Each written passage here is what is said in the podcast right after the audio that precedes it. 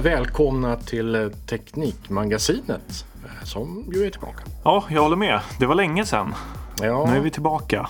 just det. Det är lite irreguljärt. Nej, så säger man inte. Lite... Oregelbundet. Tack. Ja, men det är ju sommaruppehåll och sånt. Ja, men det är ju november. Ja, jo, Ska jo. vi skylla? Vi fortsätter. Det har varit halvledarbrist. Det är det som har gjort att vi eh, inte riktigt eh, fått, fått till det helt enkelt. Vi skyller på det. Det är inte sant, men vi skyller på det. Det här är i alla fall avsnitt eh, nummer... Något. Som vanligt. Ett nytt avsnitt. Precis. Jag tänkte vi skulle börja, börja prata om, om just eh, halvledare. Eller, eller, eller bristen på halvledare snarast. Är det, känns det okej? Ja, absolut. Mm. Det är brist på allt känns som just nu. Eh, utöver elektronik... Ja, det mesta. Det är mycket olika containrar som är fast på så ställen. är det. Så är det. Mycket har ju med covid att göra förstås. Men inte kanske allt. Eh, Okej, eh, halvledare säger vi. Eh, chips eh, brukar eh, mainstream media eh, prata om. Eh, det där har ju en gammal historia får man säga. Man hade ganska stora kisel eh, stycken som man etsade ganska stora komponenter på i början. De såg ut som potatischips. Jaha, liksom. det är så enkelt. Det är så enkelt. Ja. Ehm, och det handlar ju om det. Det är nu för tiden då väldigt, väldigt, väldigt liten bit kisel med en elektri- elektrisk då, krets inetsad eh, i sig. Så omgiven av lite skyddande plast och så en massa ledare som sticker ut och så löder man fast den på ett eh, kretskort tillsammans med andra komponenter och så blir det en grej eh, utav det.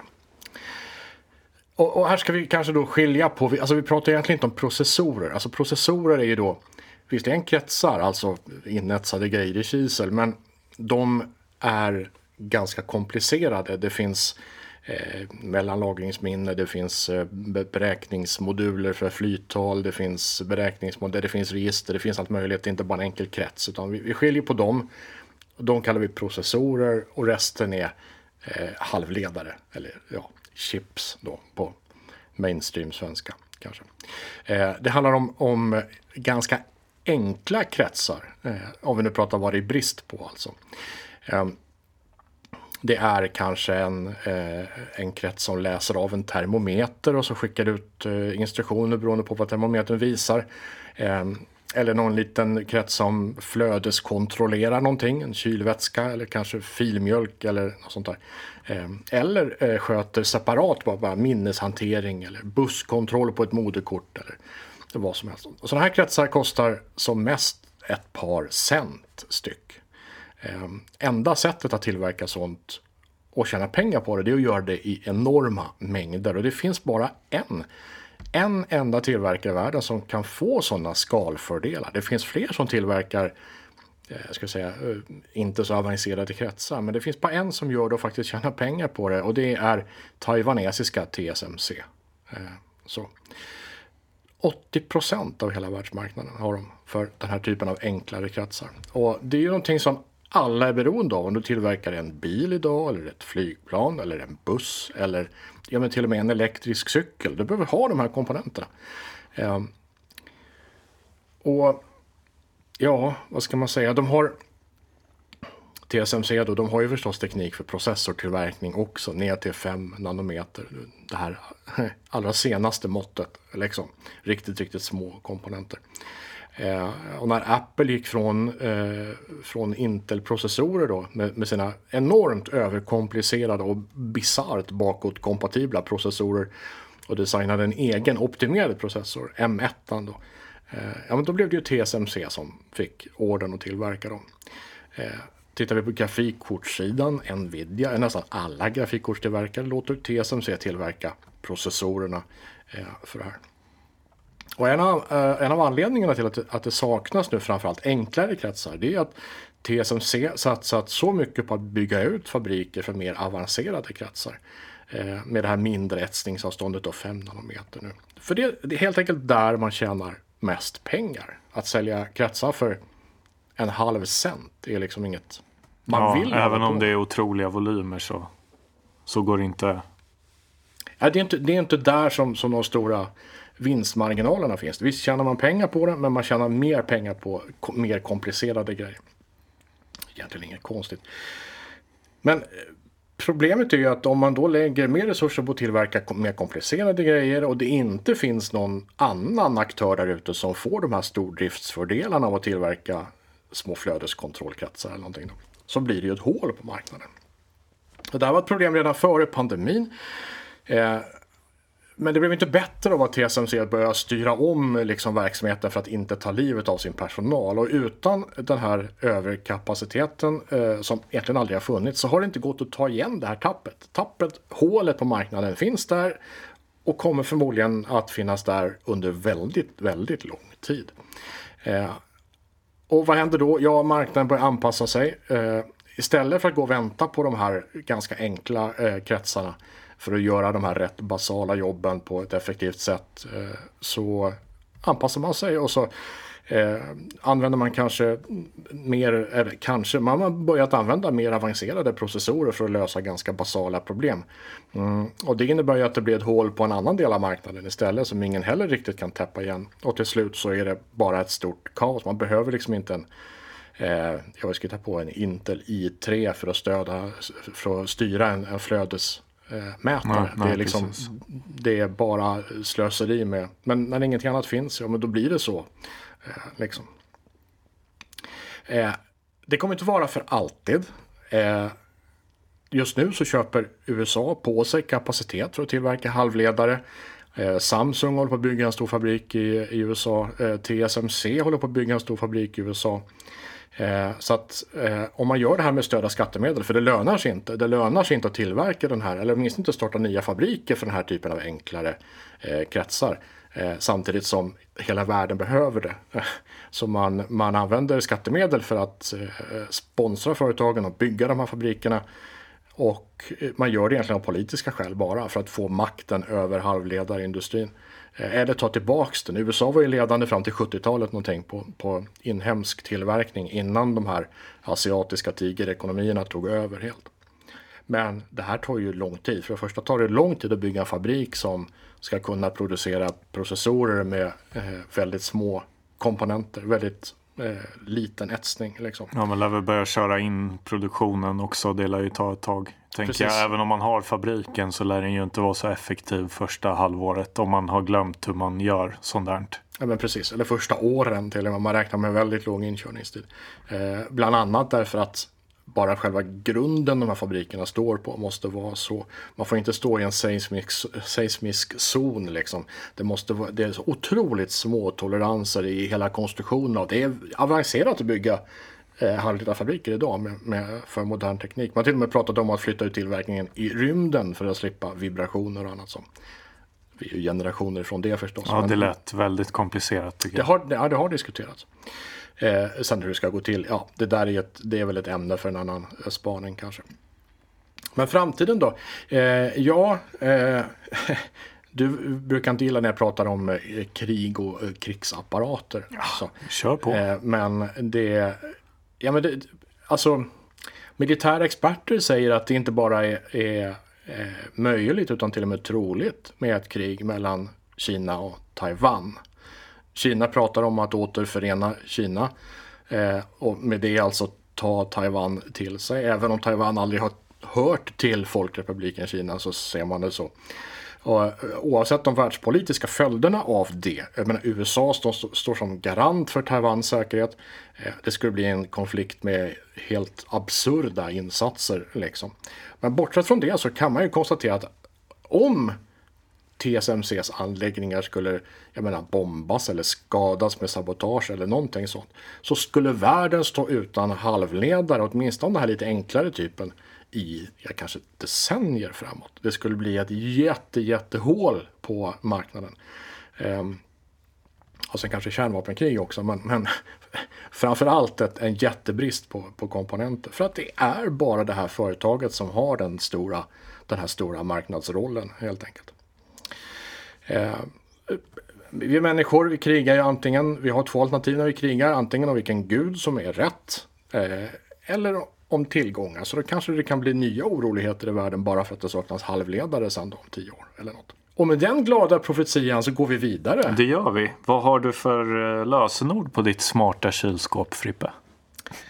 Har du ett bra lösenord? Eh, jag, har, jag har inget smart kylskåp än. Nej, Däremot, jag drog, jag, drog till med något bara. Hela mitt hem styrs av, eh, av Android och du vet släck i köket ja, och släck i. Ja. Det slog mig här faktiskt i morse att jag har inget lösenord till det systemet. Oj. Vem som helst kan ju säga släck i vardagsrummet och den lyder. Ja, det är hemskt. Mm. Då är det ju kanske lite bättre att ha 1, 2, 3, 4, 5, 6.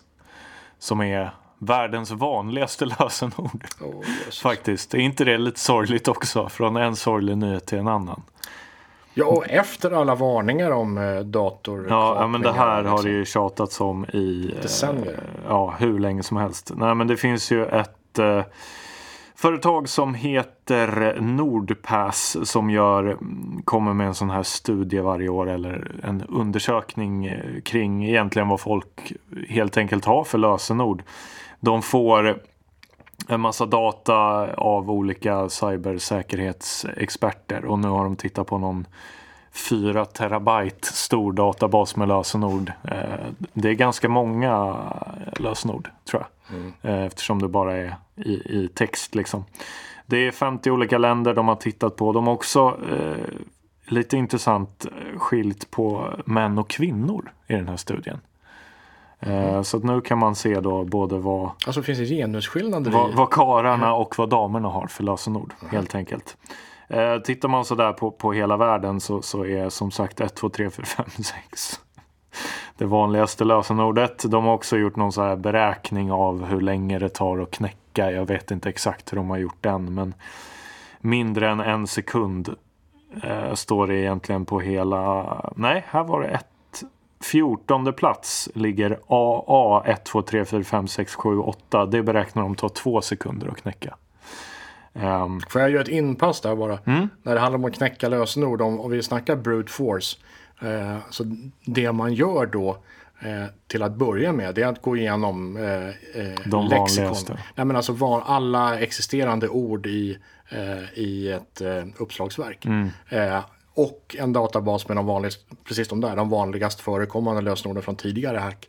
Och det är först när man har gått igenom det och fortfarande inte hittat en lösning, det är då man börjar lägga till algoritmer för att mm. verkligen knäcka lösenorden tecken för tecken. Så att just att ha ett lätt lösenord från en lista av lätta lösenord behöver inte ens knäckas, det är bara att Ja precis, du bara eh, plockar ur databasen. Ja. Exakt, exakt. Nej men sen är det ju de här vanliga password, eh, QWERTY och så vidare och lite olika sifferkombinationer. Eh, så satt jag lite på skoj och tittade här. Eh, dels då på Finland, 1, 2, 3, 4, 5, 6 vanligast. Så ser det ut i de flesta olika länder som jag har eh, kollat på. och sen på tredje plats kommer Salasana, det är väl lösenord på finska om jag mm. inte är helt fel underrättad.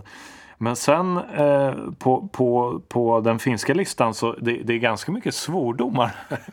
eh, på femte plats kommer Perkele, eh, kanske inte helt oväntat. Eh, åttonde plats eh, Paska 1, 2, 3, alltså skit 1, 2, 3. Mm. Och sen på tionde plats Kacka 1, 2, 3, alltså bajs 1, 2, 3. lite kul. Eh, för övrigt Paska och Kacka 1, 2, 3, riktigt bra lösenord tar 17 minuter att knäcka enligt mm. den här hemsidan.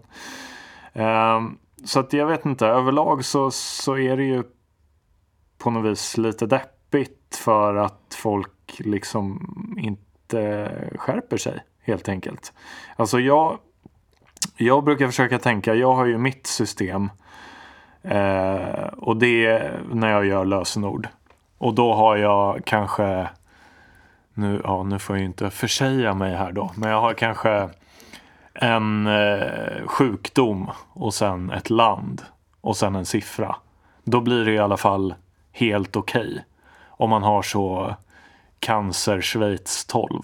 Eh, här är en riktig klassiker minns jag från när man gick i skolan och eh, behövde börja ha inloggning. Bajskorv. Tre timmar. Eh, så att om du sitter nu där hemma och har bajskorv som lösenord så är det inte så dumt egentligen. Det är tre timmar mellan eh, dig och eh, att dina bankuppgifter cirkulerar fritt på nätet. Mm. Ett tips där om jag får vara så järv eller två tips till att börja med. Om du envisas med att hitta på egna lösenord använd ett kontrolltecken också i lösenordet. Av det enkla skälet att när du brute-forcar sen hackningen så är det ganska stor skillnad på om du kan använda ASCII-tabellen eller den utökade ASCII-tabellen. Det blir dubbelt så svårt plötsligt. Eh, dubbelt så många variationer eller mångfald så många eh, möjligheter. Så lägg in något litet eh, eh parentestecken eller en ampersand eller något sånt där i lösenordet så blir det genast mycket Circumflex accent eller vad det heter. Det, är det circumflex är alltid, alltid tjusigt också. Ja. Mm. Ja, nej men eh, så är det med den saken. Folk har dåliga lösenord. Skärp er. Mm. 4000. Eh, med det sagt då, minns du, eh, så, eller såg du, du är så ung, såg du Deep Impact och Armageddon? Mm, Armageddon har nog Är det inte den som är så fruktansvärt lång? Eh, Armageddon är fruktansvärt lång och fruktansvärt amerikansk patriotisk. Ja. Så den är nästan lite slemmig att se på. Ja, var, jag minns att det var kämpigt. ja. Det är det ja, jag minns kämpigt. från den filmen. Mm. Och sen var det väl väldigt svulstigt i slutet också. Oerhört svulstigt. Han offrar sig på något vis väl? Eh, är det, vad heter han nu, Die Hard-mannen? Ja, det är Bruce Willis ja. som offrar sig där på den här asteroiden och ja, trycker precis. ner sprängknappen till kärnvapnet. Sådär. Just det, han är någon sprängare va? Han är oljeborrare ja, va? Det, det, precis. Ja. Ja, det, jag tycker det är så märkligt. Hela premissen till filmen. Ja, att de samlar ihop ett så knasigt gäng och sen lär de att vara i rymden. Ja, och det de är, är mänsklighetens enda chans. Det är lättare att lära en astronaut att borra efter olja än att lära upp en oljeborrare att astronaut. bli astronaut, tänker jag. Absolut. Ja. Uh, de här filmerna kom ungefär samtidigt. Deep Impact var ju kanske jag ska inte säga mer realistisk, för ingen av dem är realistiska, men, men den var väl mer sansad i alla fall. Dessutom går det åt helvete i, i uh, Deep Impact för att uh, den, en, eller någon av asteroiderna splittras upp i flera delar och en av delarna träffar ändå jorden så att det blir enorma tsunamis och grejer. Så att ja. Uh, vi vet ju att de flesta dinosaurier dog ut på grund av ja, ändrade klimatförutsättningar. Men efter nedslaget eh, då som, som hade ihjäl dem eh, på lite sikt. Alltså nedslaget vid dagens Yucatanhalvö, eh, vid dagens, eh, kolla på en karta, Chicxulub heter stan. Eh, meteoriten brukar kallas för Chicxulub, eh, meteoriten också. Eh, det var en, en jättesmäll eh, som skapade en krater som var 90 kilometer tvärs över och som eh, fortfarande syns i, eh, i bergsformationerna under vattnet. Man ser liksom en krater med en liten topp i mitten och sådär. Eh, vi vet att nedslaget i sig inte dödade andra djur än de som var liksom i närheten som drabbades utav, utav eh, värmeutvecklingen från den här enorma explosionen. Eh, på andra sidan jorden var det ingen som dog omedelbart utav det. Men utav allt material som kastades upp i atmosfären så blev det en lång, lång vinter som eh, förstörde eh, mattillgången helt enkelt för växtätare. Och när växtätarna dog ut så dog även köttätarna och de allra flesta dinosaurier dog ut. De som klarade sig, var de som snabbt kunde förflytta sig från plats till plats för att äta där det fanns. Eh, fåglar alltså. Så Därför och någon fisk väl också? Finns Säkert det väl fiskar. Över... Det finns ju sådana här så ja, knasiga hajgrejer som ser märkliga ut som lever på djupt vatten. Eh, ja, just det. Vad heter de? Håkärringar. Ja, just det. Mm. Mm. Eh, I alla fall, det var i alla fall inget. Det var inte så kul att bo på jorden då. Om vi bara sammanfattar det så. Eh, och det här har hänt. Det var inte första eller sista gången. Det har hänt. Eh, ungefär var hundrade miljonte år eh, så kommer det ett sånt här nedslag som är så stort så att det hotar någon arts överlevnad eller, eller allt livs överlevnad. Eh, sådär. Eh, förmodligen inte bara på jorden utan i alla planetsystem så finns det här hotet. Ja, men rent statistiskt liksom så händer det lite med jämna mellanrum. Ja, sen kan man ju, menar, om du tittar på lite mindre stenar så händer det ju mest hela tiden. Och, och eh, eh, vad heter den då? Tjelabinsk eh, meteoriten som var, eh, nu minns jag inte hur stor den var, men den exploderade i atmosfären och slog ut alla mm. fönsterrutor. Mm. Ingen, jag vet inte om de dog utav det, i alla fall ingen art. Ja, men ofta är det ju så här, Florida man woke up och så har han en stor sten i sängen typ. Det händer ju ändå eh, ibland. Precis, jo men, det, ja. jo men det händer. Och, det där handlar ju också om eh, om de kommer från vårt eget solsystem eller utifrån och eh, vilken omloppsbana de haft tidigare. Om de bara liksom ramlar ner i vår atmosfär med ungefär samma hastighet som jorden har genom vårt solsystem. Så ja, då ramlar den ju ner i 191 km i timmen som är eh, terminalhastigheten. Och sen landar den på jorden en duns. Och så är det med det. Men om den kommer in med liksom 20 km i sekundens hastighet, ja då blir det ju någonting helt annat förstås då. I alla fall. Eh, jorden har funnits i, i 5 miljarder år, give or take. Eh, det har skett sådana här stora nedslag då ett gäng gånger som har hotat eh, livets existens på jorden. Eh, och ingenting på jorden har kunnat skydda sig mot de här nedslagen. Nu har en livsform på jorden utvecklats och blivit så teknologiskt avancerad att eh, den till och med kan stoppa berg i rymden från jorden. Det är jätterna, eller hur? Alltså, bä, ja. de. Uh, okay. Nej, inte riktigt. Jag, jag tänker på människor. Mm. Vi som art har blivit så pass avancerade. Det är lite häftigt. Det är ändå ett och vi pratar om civilisationer i universum och vilka barriärer de måste tränga sig igenom för att faktiskt bli en galaktisk art eller sprida sig till flera planeter. Så just den här barriären, den här att skydda sig mot nedslag av bergrymden på sin planet. Det, det, är en sån en barriär som alla civilisationer måste överkomma för att kunna ta sig till nästa steg i utvecklingen. Liksom. Säger sig självt. Eh, och nu kan vi det, så vi kan liksom bocka av den. Tror vi i alla fall. Igår lyfte DART, eh, det står för Double Asteroid Redirection Test, från eh, Vandenbergbasen i Kalifornien var SpaceX eh, och deras eh, Falcon 9-raket eh, som skötte själva uppskjutningen medan NASA då sköter själva satelliten. Och det här första raketsteget då landade så småningom på drönarfartyget ute i Stilla havet som heter Of course I still love you Va? Okej. Okay. Så är det. Det här eh, DART ska nu söka upp asteroiden Didymos. Didymos har en liten pyttemåne som heter Dimorphos. Och eh, planen är att störta satelliten mot den här lilla pyttemånen då, Dimorphos. Eh, och på det sättet ska den antingen fås att kollidera med sin huvudasteroid Didymos eller så ska man åtminstone få ner omloppsbanan lite så att periapsis och apoapsis minskar. Eh, bägge alternativen skulle mer eller mindre påverka hela Didymos-systemets eh, eh, omloppsbana runt solen. Eh, så. och det här är ju då, vad ska jag säga, mänsklighetens sista test av att principen faktiskt funkar. Vi har ju, vi människor då, testat det här tidigare med olika rymdsonder som både har krockat och försökt landa och fångat upp eh, eh, slagg från asteroider eh, efter en explosion och, och, och, sådär. Vi har testat eh, flera gånger. Eh, och det här är principer man antar att man är överens om att det är det här man ska köra på i, i fortsättningen, i framtiden. Eh, en liten italiensk CubeSat, en sån här liten pytte astro, astro, satellit. satellit. tack. Den heter Lysia Cube. Eh, den ska stanna kvar i omloppsbana och kolla hur det går efter smällen. Men själva huvud... Eh, den här satelliten har då en, en vikt på jorden på 610 kilo. Massan, du vet alltså vikten delat med gravitationens acceleration, alltså 9,83 upphöjt till 2.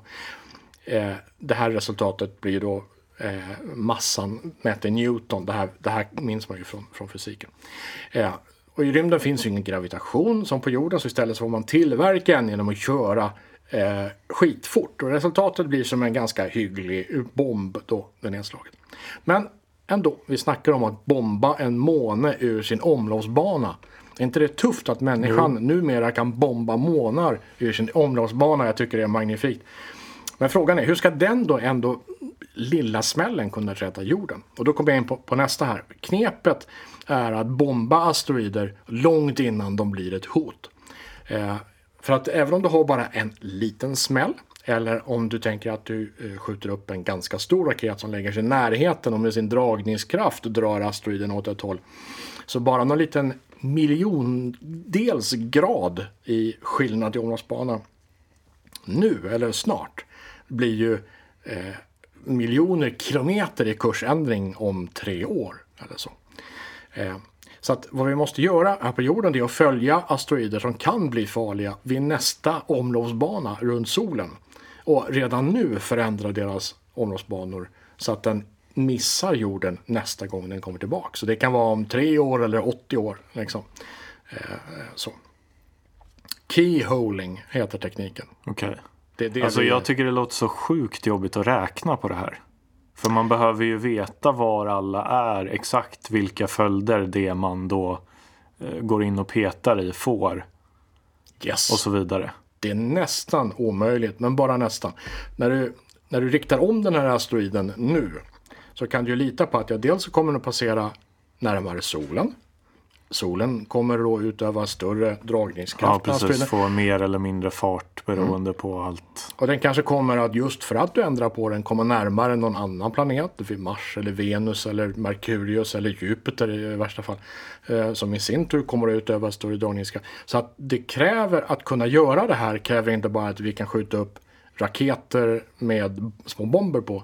Utan det kräver också att vi har superdatorer som kan arbeta fram omloppsbanor som faktiskt stämmer mm, mm. med, eh, man brukar prata om en body, eh, alltså att, att, du har flera gravitationskällor som samverkar för att störa eller påverka en omloppsbana. Så det, det, kräver en enorm datorkraft att kunna göra det här. För jag tänker att vi har ju säkert bra modeller på de stora himlakropparna eh, i närheten. Men varenda liten sten ska ju räknas med.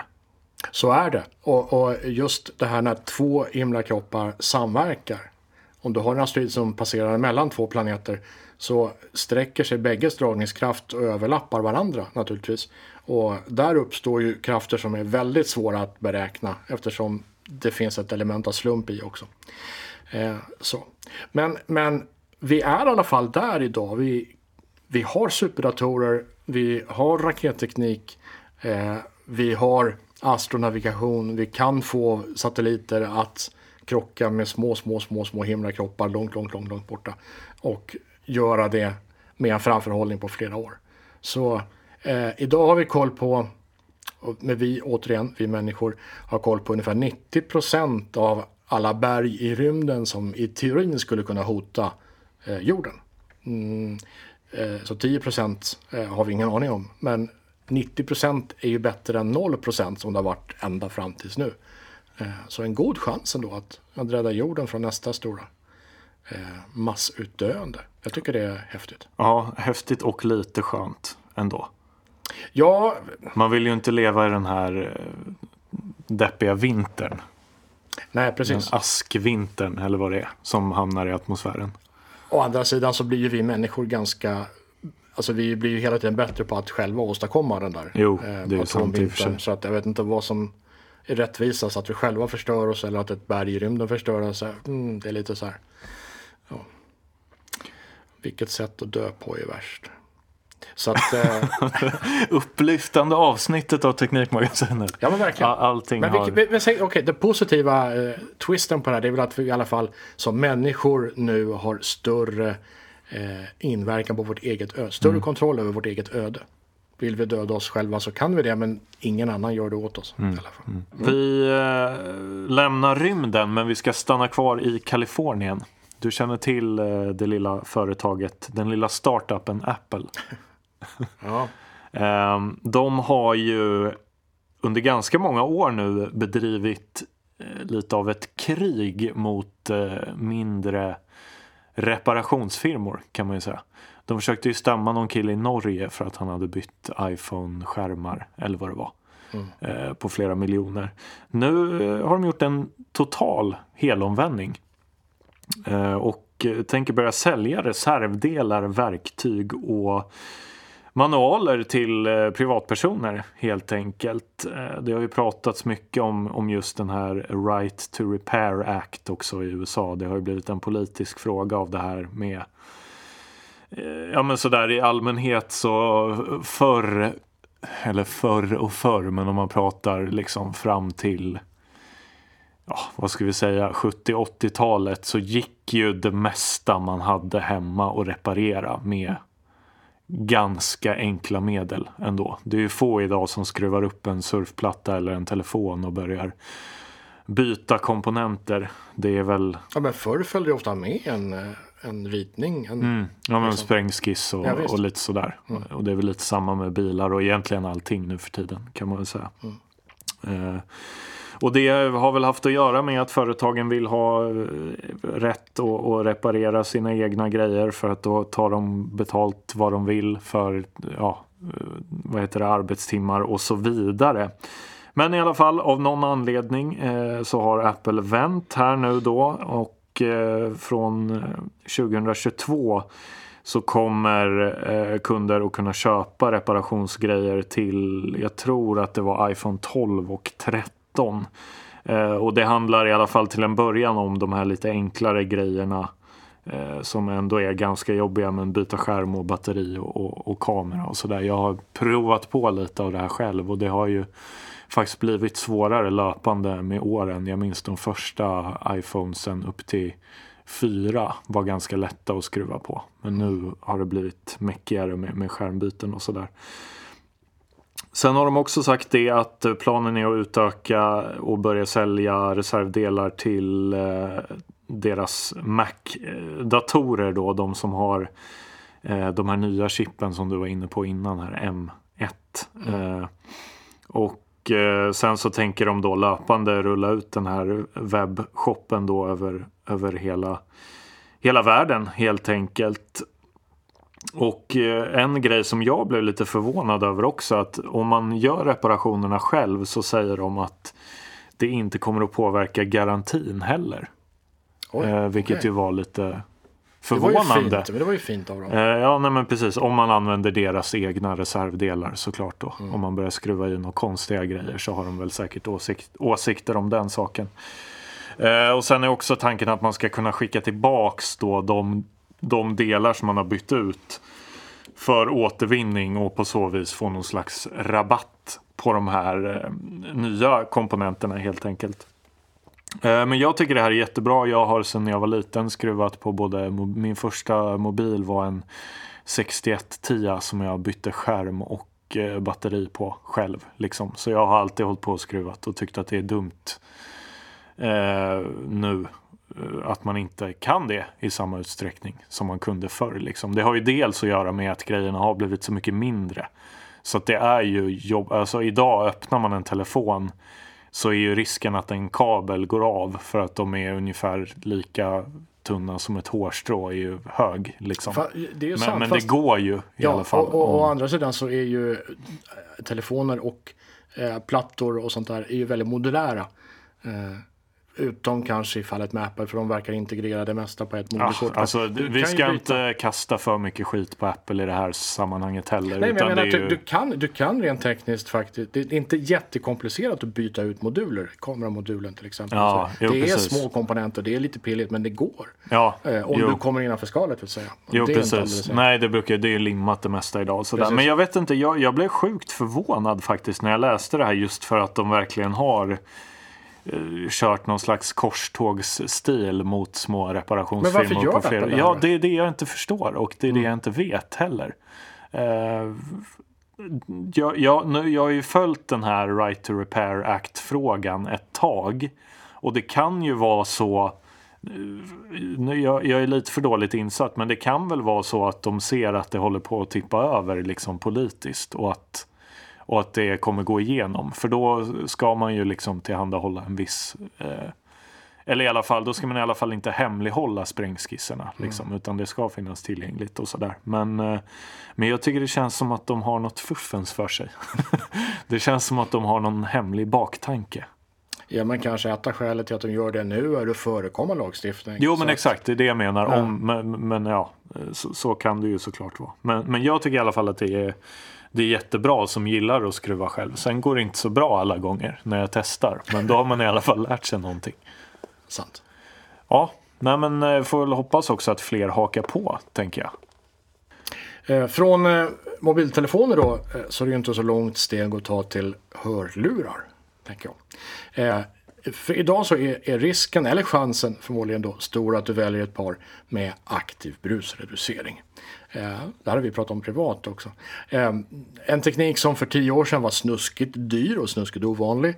Eh, idag byggs den in i lurar för bara några tior.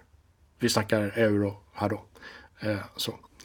Ehm, jag vet inte, har du, hur var det nu? Hade du köpt ett par? Ja, absolut, det är det bästa jag har gjort tror jag. Brusar, För jag har en bu mycket bullrig bil. Ja, men, det är som ja, att åka runt exakt. i en liten, liten plåtburk som skramlar. Precis. Eh, och här, exakt, jag, jag, har eh, precis samma problem. Inte för att jag har någon bullrig bil, men jag är väldigt noga med min tystnad. Eh, kan vi säga. Eh, så när jag sätter mig i min bil på vägen hem och jag bor ju en bit från, från jobbet då, så jag brukar lyssna på ljudböcker. Och så har jag ett par nya eh, svindyra sådana här eh, hörlurar med aktiv brusreducering. Och när jag slår på dem, ah, jag kan till och med ha defrosten på för fullt. Jag hör ingenting, det är helt, helt tyst. Det är bara jag och min ljudbok i min lilla ljudbubbla. Eh, och eh, Ja men det, det, är ändå, alltså tekniken i sig är ju inte ny. Det har ju funnits i, i eh, ja, snart 20 år tror jag. Allt som krävdes var att processorintegrationen processor integrationen blev så pass liten så du kunde göra de här ljudberäkningarna tillräckligt snabbt för att i realtid motverka. För att för det som händer är att om du har en ljudkurva, en sinuskurva och sen så sänder du ut ett ljud som är precis fasvänt mot den Eh, så tar ljudkurvorna ut varandra och då blir det inget ljud utav två ljud. Liksom.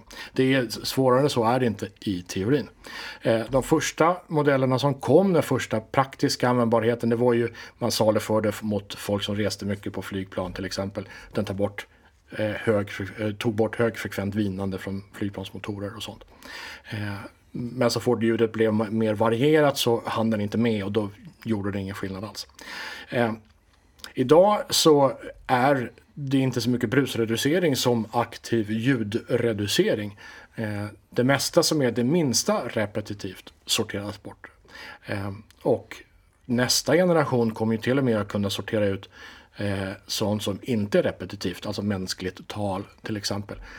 genom att väldigt, väldigt snabbt så, i, i verkligen i realtid på riktigt sortera bort allt ljud och bara nollställa det. Då. Ehm, så eh, genom att förstå då vilket buller som ska bort, genom att vara eh, ja, situationsmedveten kan man säga, så kan en AI-inlärd ljudmotor eh, ta bort idag i de bästa modellerna 95% av precis allt ljud utifrån. Eh, det finns flera spelare på den här marknaden. Apple har ju sitt alternativ, Sony har sitt, jag råkar äga Sonys eh, modell då.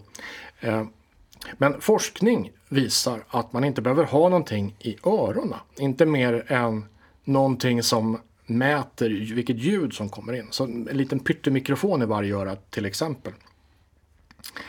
Eh, det måste finnas någonting för den här AI att basera sina sensorinmatningar på. Så själva motljudet och de motsatta ljudvågorna som slår ut ljudet, de kan komma var som helst ifrån så länge eh, mikrofonerna nära öronen kan bekräfta att motljudet är exakt.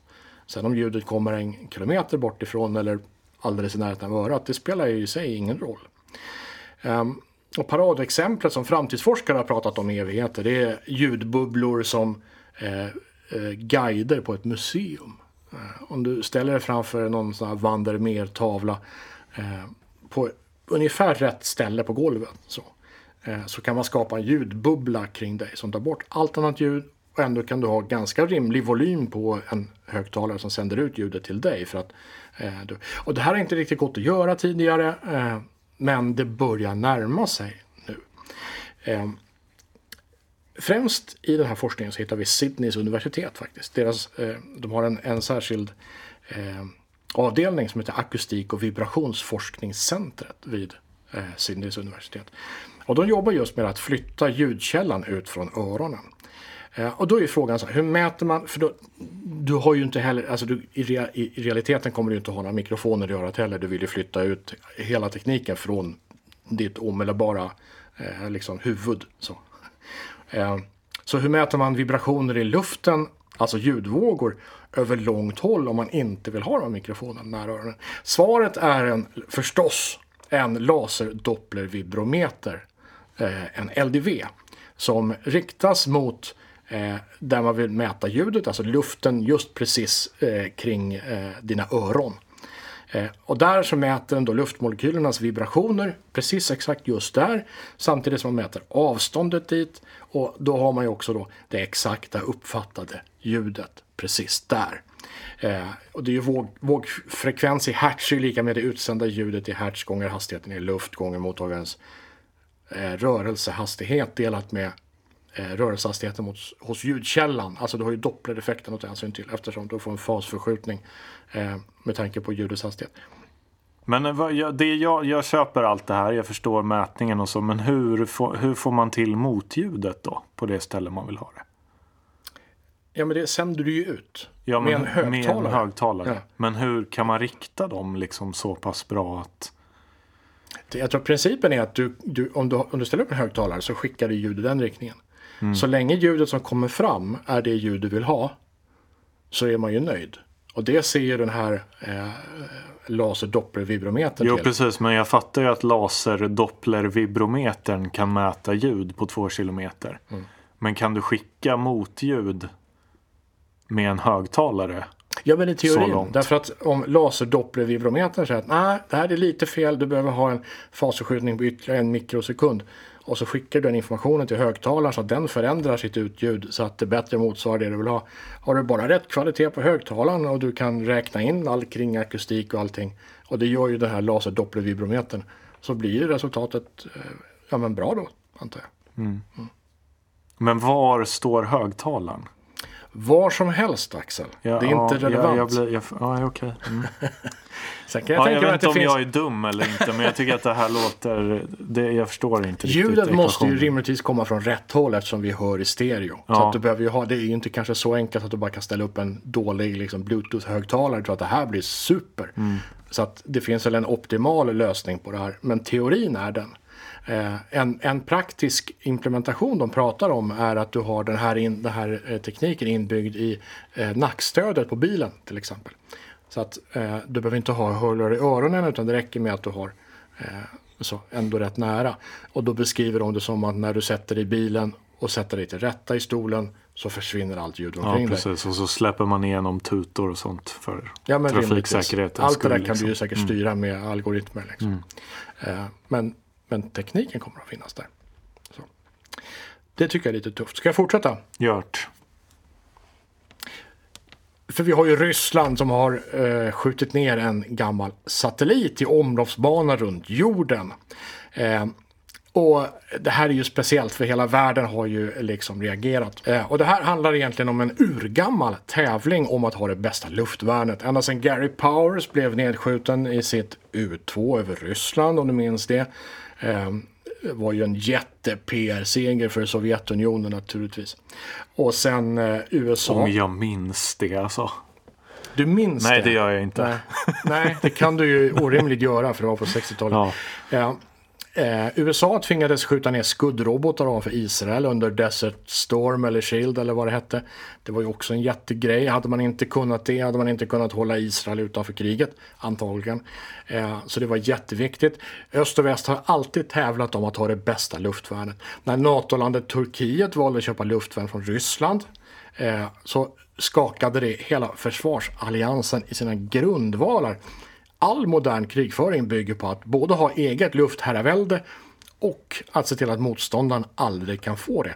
Alla moderna krig sen jag vet inte, 50-60-talet kanske, till och med andra världskriget skulle jag vilja säga, har alltid börjat med bombkampanjer för att slå ut motståndarens luftvärn. Först därefter kan du börja bomba andra taktiska operativa mål och gå in med marktrupper. Men du måste få bort luftvärnet först. Luftvärnet är nyckeln i alla Eh, alla militära konflikter. Då. Det var till exempel en rysk SA-11 Gadfly som den heter på NATO-språk eller eh, 9K37 Buk som man säger i Ryssland, eh, som tillhörde den ryska 53 luftvärnsrobotbrigaden som sköt ner eh, Malaysias flight 17 över Ukraina till exempel, det minns vi ju.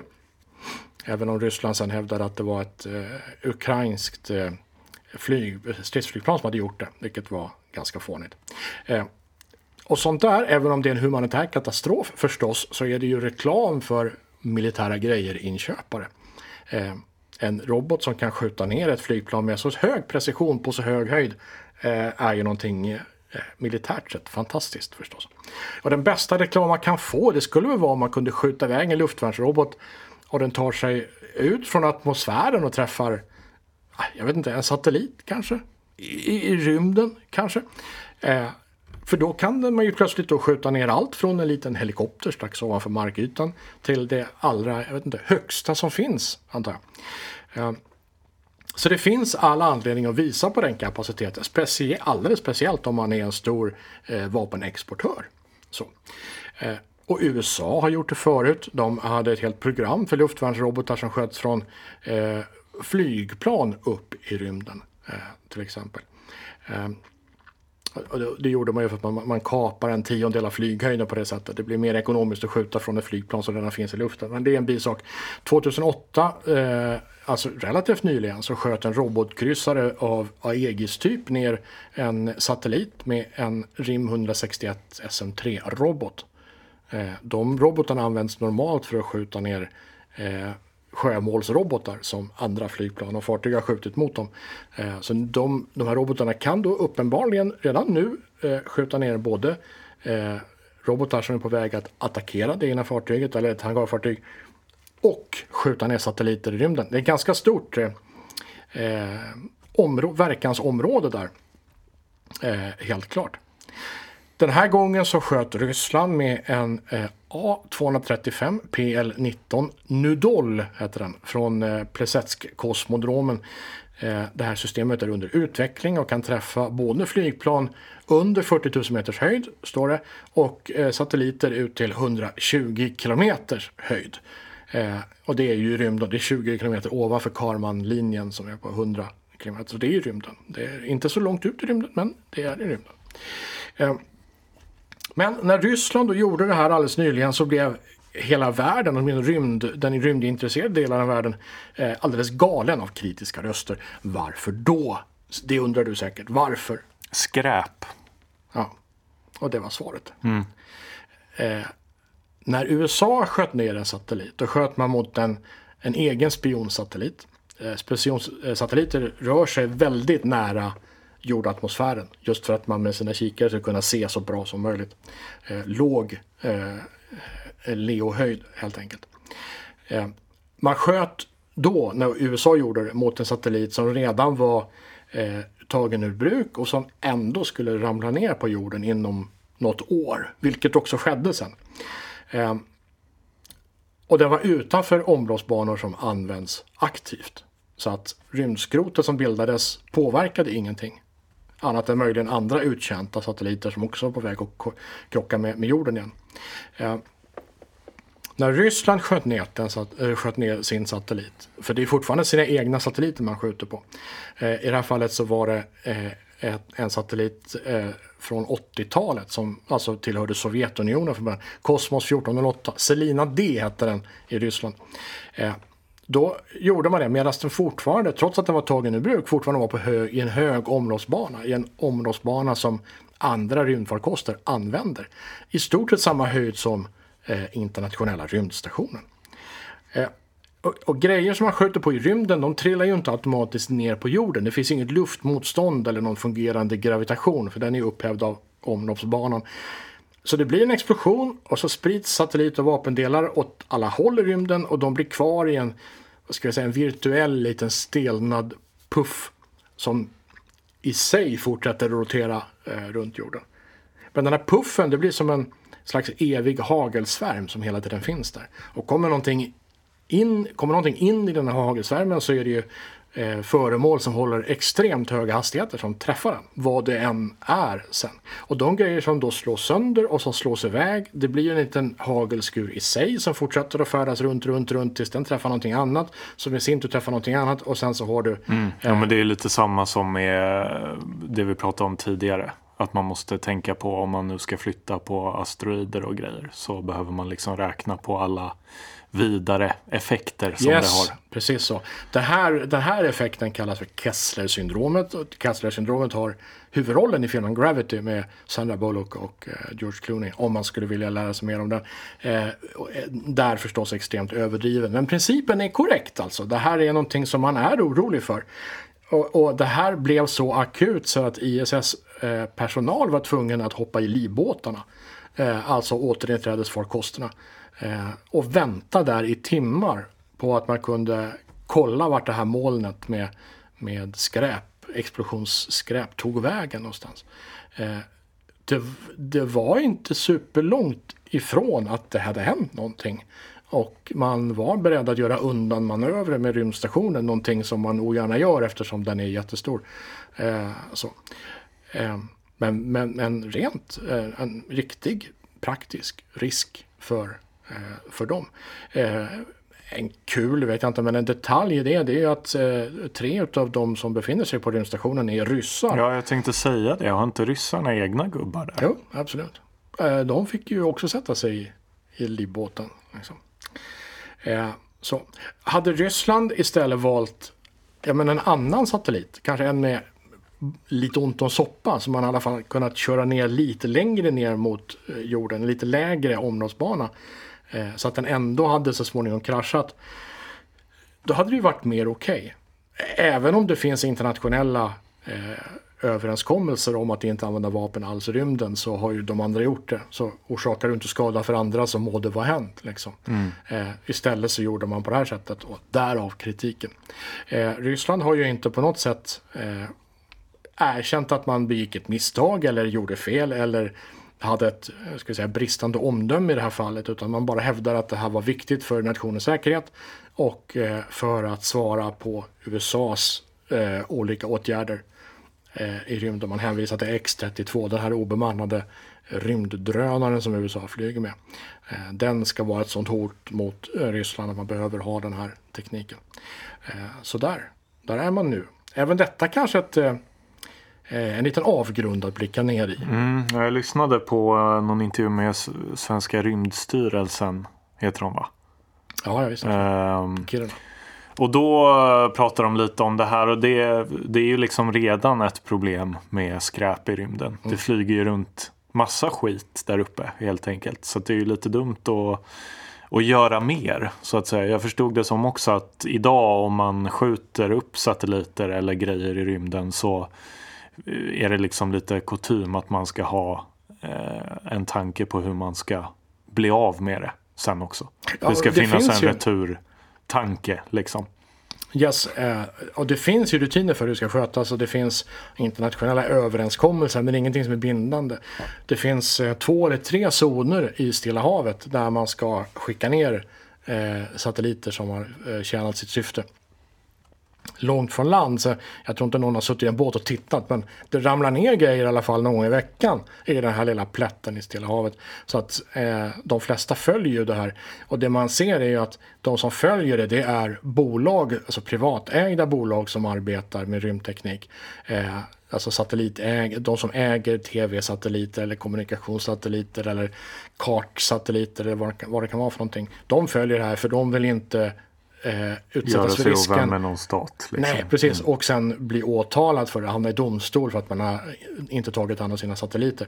Medan nationella identiteter, alltså stadsluft eller stadsrymdfartyg då, eh, typ spionsatelliter och sånt, de följer inte det här. Eh, så så det, det, är ju uppenbarligen heller eh, varken USA eller Ryssland följer de instruktionerna. Så det är ju kanske ett det största problemet. Då, då. Men det, man arbetar med teknik för att eh, skicka upp satelliter som i sin tur samlar in rymdskrot och för dem tillbaka till jorden. För att det börjar bli ett akut problem. Du kan, I princip kan du inte skicka upp nya satelliter på, på vissa höjder längre. Eh, det är ju som lager på en lök det där. Så på vissa höjder så finns det ingen trafik. På vissa så finns all trafik. Eh, så, det, så det finns vissa höjder då som du inte kan använda för för rymdfart längre. Och ska du igenom de här lagren, till exempel för att åka till månen Måste man eller Mars. tajma det väl. Yes. Mm. Så det, det börjar bli ett jätteproblem. En väldigt vag avslutning, ja. detta eh, eh, avsnitt som vi inte vet vilket nummer det har. Men vi är ändå glada att du, att du lyssnar och ja. Eh, jätteglada om du hör av dig med någon liten tanke ibland. Vi är ju också ett vagt gäng. Så är det. Tack! Tack, hej då!